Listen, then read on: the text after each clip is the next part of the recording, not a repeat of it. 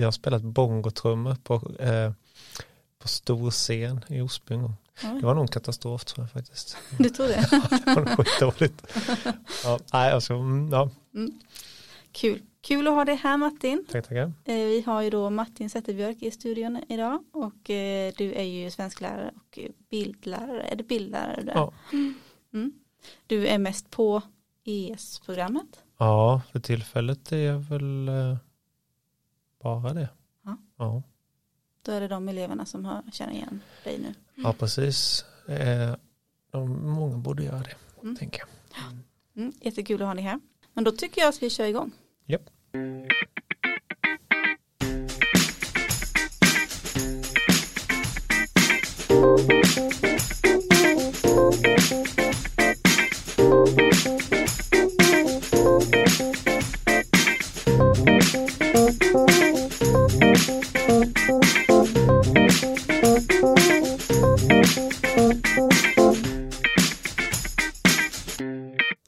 Vad har du med dig Martin? Jag har med mig Mörkrets hjärta av Joseph Conrad fast inte i romanformen utan i, eh, som grafisk novell istället. Just det. Mm. Den har jag ju sett, eh, jag har ju läst själva romanen men jag har inte kollat jättenoga på den här mm. versionen eller man säger men den är väldigt snyggt omslag på. Mycket snyggt omslag, mycket snyggt genom hela skulle jag säga. Mm. Eh, och Mörkrets hjärta, romanen, det var jag vet inte vad jag ska säga, men kanske så här, jag, jag, jag har inte varit en läsare. Alltså jag var, blev läsare när jag var 21, 22 kanske. Mm. Och då var det några böcker där i början som kanske fångade mig. Det här var nog inte liksom i den, det första skedet av läsning som fångade mig, men liksom i någon andra våg sådär. Så den ligger mig väldigt varmt om, om hjärtat, vilket kanske är för sig ett passande uttryck då. Mm. Eh, och sen så jag ska inte svära på att jag kommer ihåg hur gammal den här är, den novell, den grafiska versionen, men jag tror inte att den är så, jag tror inte att den är så jättegammal. Jag har för mig att jag såg, att det var typ ett par år sedan kanske eller någonting att den skulle komma och då, då köpte jag den mm. eh, direkt. Och sen så är det ju också så att det finns ju en film som heter Apocalypse Now um, som är starkt referens till det som sker i Mörkrets hjärta fast istället för att utspela sig i Kongo så utspelar sig i Vietnam och det är en favoritfilm. Mm. Så ja men många kopplingar däremellan. Just det. Ja. ja och själva ursprungsberättelsen i Mörkrets hjärta behöver man veta den eller kan man läsa den här tänker du separat? Jag tycker absolut att man kan läsa den separat. Jag tänker att det, det är en sån där berättelse som eller ofta när man får reda på någonting nytt som man tänker så här, ja det var intressant, eller det här var spännande, det här gillar jag, det här var snyggt, eller det här var kul att spela, eller det kan vara, så får man ju ofta ett intresse för, så kollar man vidare, så kollar man på den saken och så läser man den Wikipedia-artikeln och så hittar man den och så läser man den och så tittar man på den.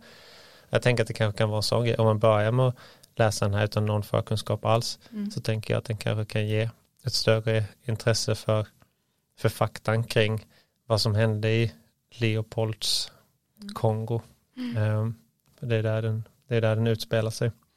Men jag tror också att man bara kan ta del av den som en intressant och en fruktansvärd berättelse som kan vara tankeväckande utan att man ser det i det historiska perspektivet. Jag tror inte det. Det behöver man inte liksom för att kunna uppskatta det. Man kan bara öppna den, inte ha en aning om någonting. Nej. Läsa, titta igenom den och uppskatta. Är det exakt samma berättelse som ursprungsromanen? Eller ändras de på någonting? Kommer du ihåg? Nej, det övergripande är ju precis samma. Sen är ju den här nedskalad på det sättet att vi får ju inte istället för att få den här skildringen av den täta djungeln med, med ord så får vi den i bild istället. Så att när det är klart att den är den är väl avkortad, nedkortad. Mm. Den, är, den är inte så texttung heller. Mm. Alltså vissa serier om vi säger så som riktar sig mot vuxna de kan ju vara texttunga.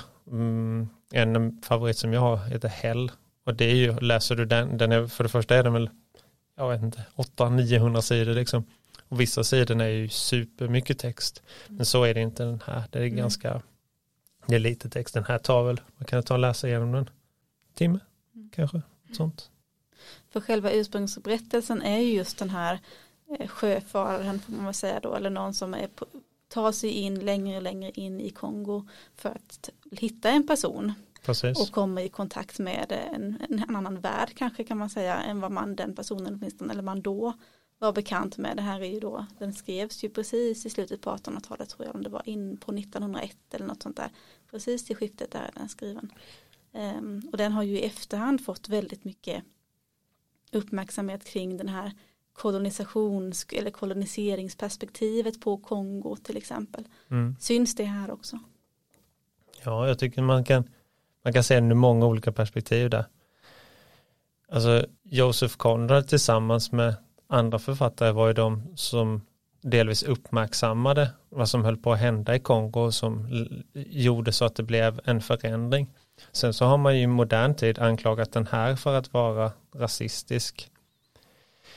Och, och det skulle man ju ett perspektiv kunna säga att den är. Men ur ett annat perspektiv skulle man också kunna läsa den som att Josef Conrad skriver den mot, med ett väldigt stort förakt mot belgarna och väldigt stor medlidande gentemot kongoleserna. Mm. Eh, så jag tror den är den ger er nog anledning att fundera. Samtidigt så är det ju medlidande i ett historiskt perspektiv. Han är ju fortfarande född när han är född och levde när mm. han mm. levde. Um, men ja, för n-ordet används ju i den.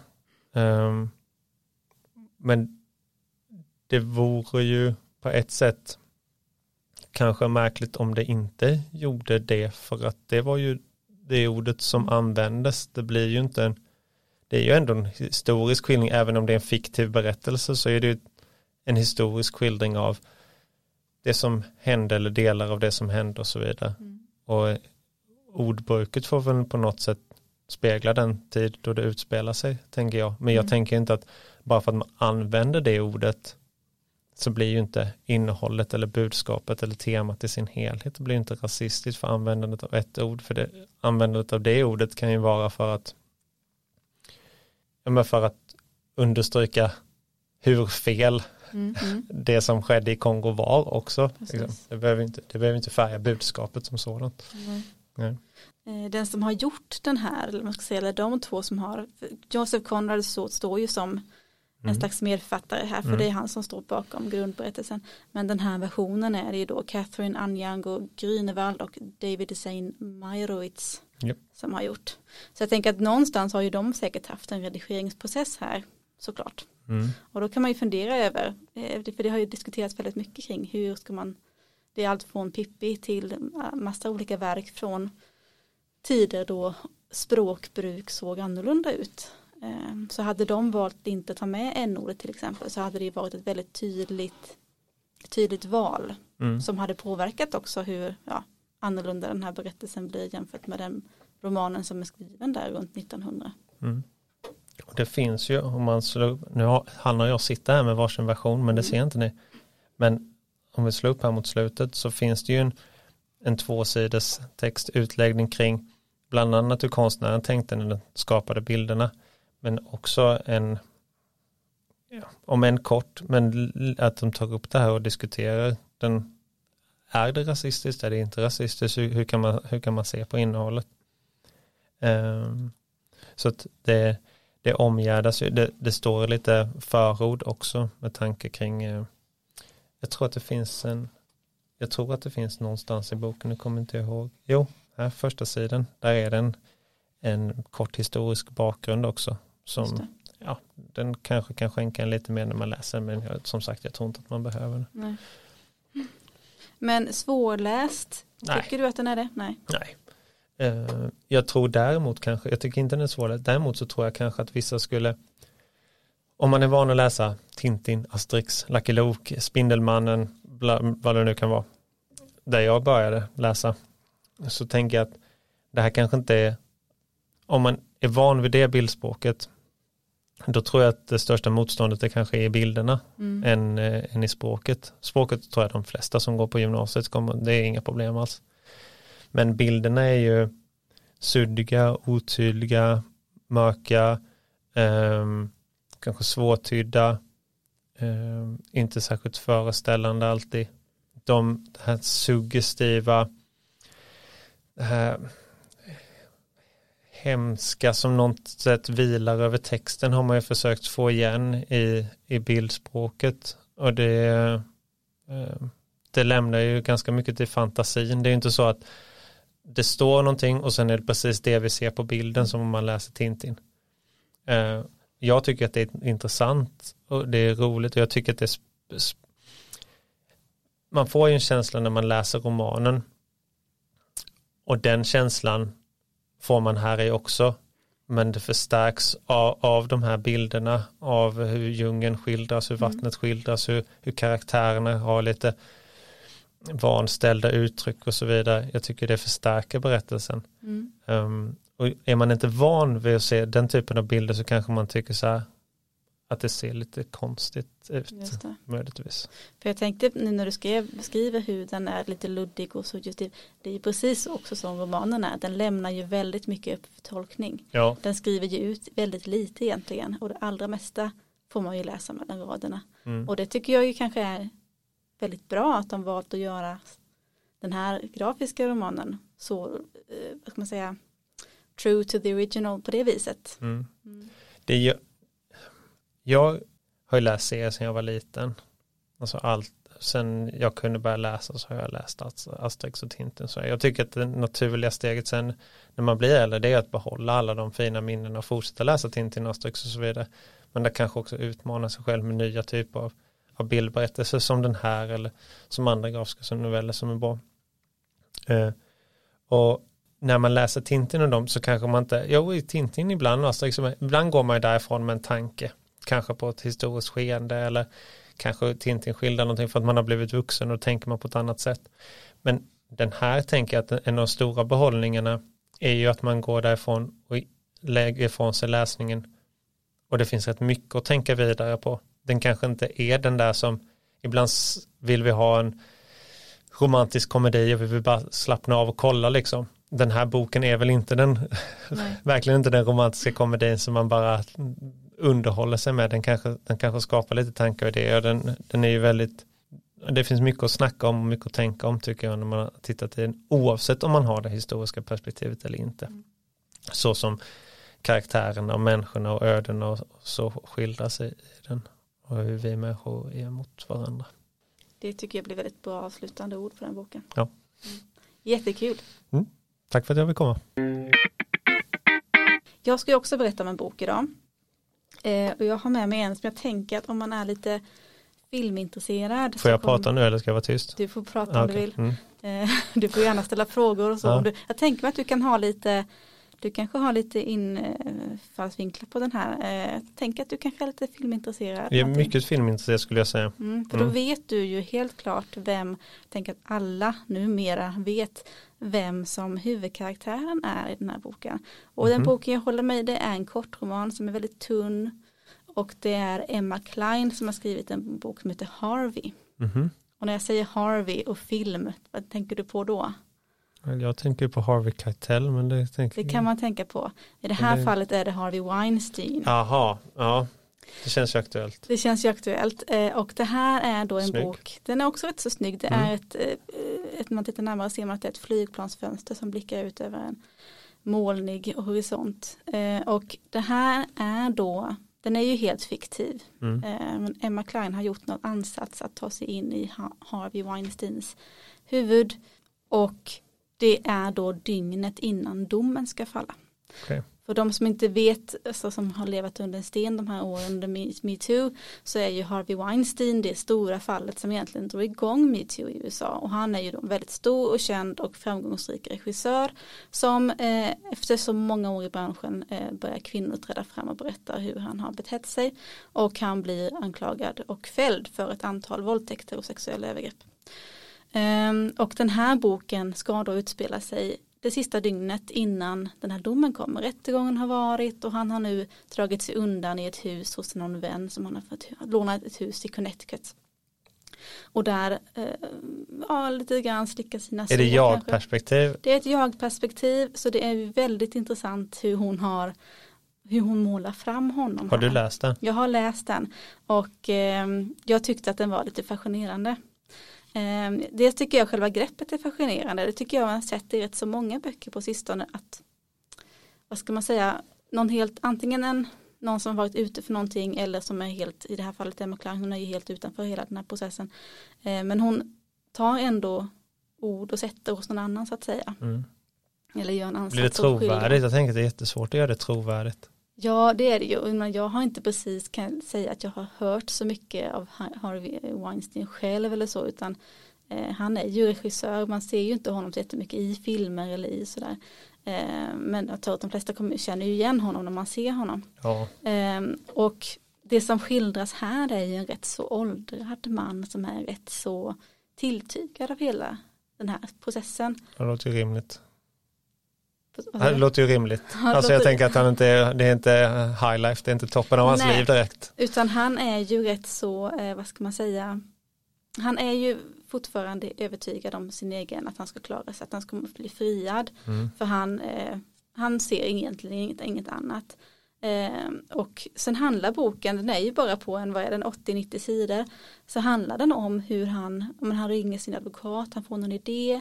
Eh, han, hans, en av hans döttrar kommer hem med sin son eller dotter eller vad det är. Och, och man får lite den här känslan av en illusion som kommer att spricka. Alltså mm. att det finns någon slags självförnekelse och det finns, han, han är lite skröplig, han har blivit lite sjuk, han går, genomgår någon slags lite kvasivetenskaplig eller så eh, sjukbehandling medan han är där och, och sen så får han också för sig, man vet inte riktigt hur pass sant det är, men han ser en av grannarna där som han tror är Don DeLillo som är en väldigt stor eh, amerikansk författare eh, och som han skulle vilja filmatisera då en av hans största romaner eh, och det blir hans tanke att när det här är slut nu mm. då ska jag ta mig an den stora romanen Vitt brus eh, av Don DeLillo och jag kommer nu att kunna prata med honom och jag kommer att komma överens och få filmrättigheter och det kommer bli stort och jag kommer få en comeback. Riktigt, det känns inte som någon som riktigt har insett allvaret. Nej, han har väl inte Eller det. hennes skildring i alla fall av en person som inte riktigt har insett allvaret. Hon skildrar honom som någon som inte riktigt förstår vidden av det här. Mm. Eh, utan någon som håller desperat kvar i de som fortfarande står på hans sida. Eh, och som intalar sig själv att det här kommer att blåsa över. Finns det några kopplingar till, till filmer eller till andra personer i verkligheten? Harvey Keitel är en riktig person, eller Harvey Weinstein är en riktig person. Och som, det finns vissa av de kvinnorna som, som framträder det finns inga, liksom att Det är att väldigt det få andra karaktärer okay. egentligen i boken. De enda som förekommer som väl egentligen hänvisas till med någon slags sanningsbasis är ju hans dotter och så okay. då. Eh, och sen är det väl lite för eh, advokat och sånt där, den typen av personer mm. som jag tror är de riktiga personerna som hänvisas mm. till. Eh, sen är det de här som ett lä en läkare och en sjuksköterska som är där en, en eftermiddag och ska ge honom den här behandlingen som jag fortfarande inte riktigt förstår vad det var för någonting. Eh, de finns, annars är det ju han och hans tankar. Eh, jag, jag tyckte som sagt den är ju lite speciell. Eh, man, måste nog, man måste nog känna till en del om hela den här eh, metoo-kampanjen eller vad kallar man det för. Eh, och mm, så för att kanske få ut så mycket av den. Eh, men jag tycker att själva greppet är lite intressant. Ja. Att, att eh, men han, han lever ju, han sitter ju i fängelse nu. Det är inte så att det är en avliden människa utan det här är en faktisk person som fortfarande är i livet. Och att skriva en, då en fiktiv berättelse eller en fiktiv skildring av en person som är i livet är lite speciellt. Ja. Det är ett intressant grepp. Intressant grepp, jag tycker verkligen det. Jag sitter och funderar på andra böcker eller liknande. Jag kommer inte på raka arm. Hade... Inte, nu, inte nu levande Anna, döda länge mm. avlidna så det är ju lätt att komma på massvis. Mm. Och det är ju också intressant för där lägger man ju också ändå någonstans ord och tankar i mm. hos personer som man inte vet och sådär. Vi hade inte så länge sedan så hade vi en, en roman med i podden om Sylvia Plath. Mm.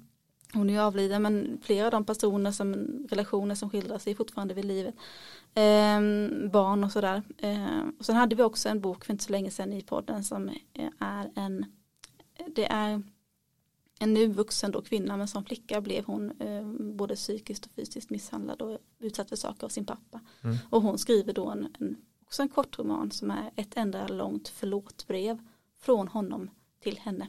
och han är ju död nu. Mm. Så det är det här nästan mm. som ett sätt att, att bearbeta och processa och sådär. Jag tycker att det är lite intressant med den typen av böcker eh, och hur långt man kan dra det och, och sådär och hur de formar våra uppfattningar om människor. Vad heter författaren sa du? Hon heter Emma Klein, hon har skrivit lite andra böcker också, bland annat har hon skrivit jag tror att hennes debut var en roman som heter Flickorna som är eh, en inblick i den här eh, sektledaren Manson heter han va? Mm, eh, Charles. Mm, som är en, ja, en inblick i utifrån en flickas perspektiv och som blir involverad i den eh, kulturen. Ja. Eh, så att hon har skrivit lite sånt här innan som ändå är lite, an, lite kopplat. Men i den där känns det som att hon väldigt tydligt försöker göra en poäng eller är det mest att det är, en, det är en berättelse där hon försöker göra trovärdig skillnad. För jag tänker att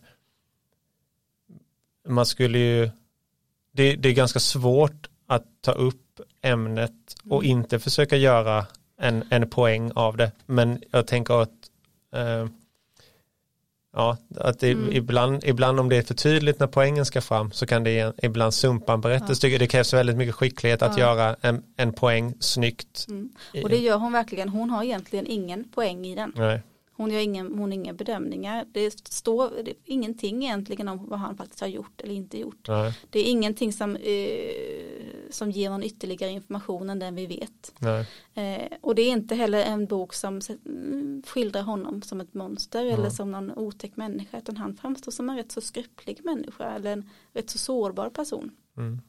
Eh, men hon, det känns inte som att hon har något syfte i att så att säga vare sig släta över eller eh, demonisera honom. Nej, han sitter han bara, inte där och tänker i boken jag är ett jävla svin. Nej, nej. eller att han ångrar sig, att han är ledsen, ingenting mm. sånt. Nej. Utan det är bara en, man, öppnar på en liten lucka och tittar in liksom. Mm. Så att jag tycker att hon gör ja, det, det snyggt. Det låter intressant, jag menar även om man, den, den är så, den är så kort och det, mm. jag såg ju när du öppnade den, det var inte det var inte jätteliten text och jättemycket så det, det känns ju som någon, en trevlig läsning, en, en eftermiddag eller någonting sånt där. Mm. Och intressant, intressant ur det berättarperspektivet. Precis, jo men den är, jag tycker nog att den är väl värd sin läsning. Hur, hur van läsare tycker du man behöver vara för en, eftersom perspektivet sådär och kanske den kopplingen som finns i verkligheten så gör den en, en lite speciell. Är mm, det någonting det som de flesta klarar av? Eller? Och det är, ingen, det är ingen jättetydlig berättelse heller i och med att det inte är, det är inte så att det finns en början och slut, det är inte så en jättetydlig narrativ utan det är, man kommer inte ens dit hän att, eh, jag vill inte avslöja för mycket i och för sig men men det är bara det där dygnet. Um, man behöver ju kanske känna till lite om honom och också kanske förstå vem Don DeLillo är. Ja. Uh, men det kan man ju lätt googla upp. När man det gör man ju nu efter att mm. du har pratat. Mm. Precis, så att man förstår lite. De referenserna, man, om man har dem så underlättar ju det. Men alltså är hon inte knepig i språket på något vis. Uh, så, utan det är mest innehållet att ta till sig och, och sen fundera vad, vad vill hon egentligen med den här texten, vad vill hon få fram. Ja. Så jag tycker den är väl värd sin läsning och just ett så intressant grepp. Ja, det får Tack. jag lägga på minnet. Du får lägga den på minnet. Eh, så hoppas vi att fler blir lite sugna på att läsa någon av de här nu. Eh, och jättetack att du var med Martin. Tack jag hoppas själv. att du kommer tillbaka till podden igen. Gärna. Mm. Mm. Ha det så gott alla där ute så ses och hörs vi nästa gång. Ja, just det.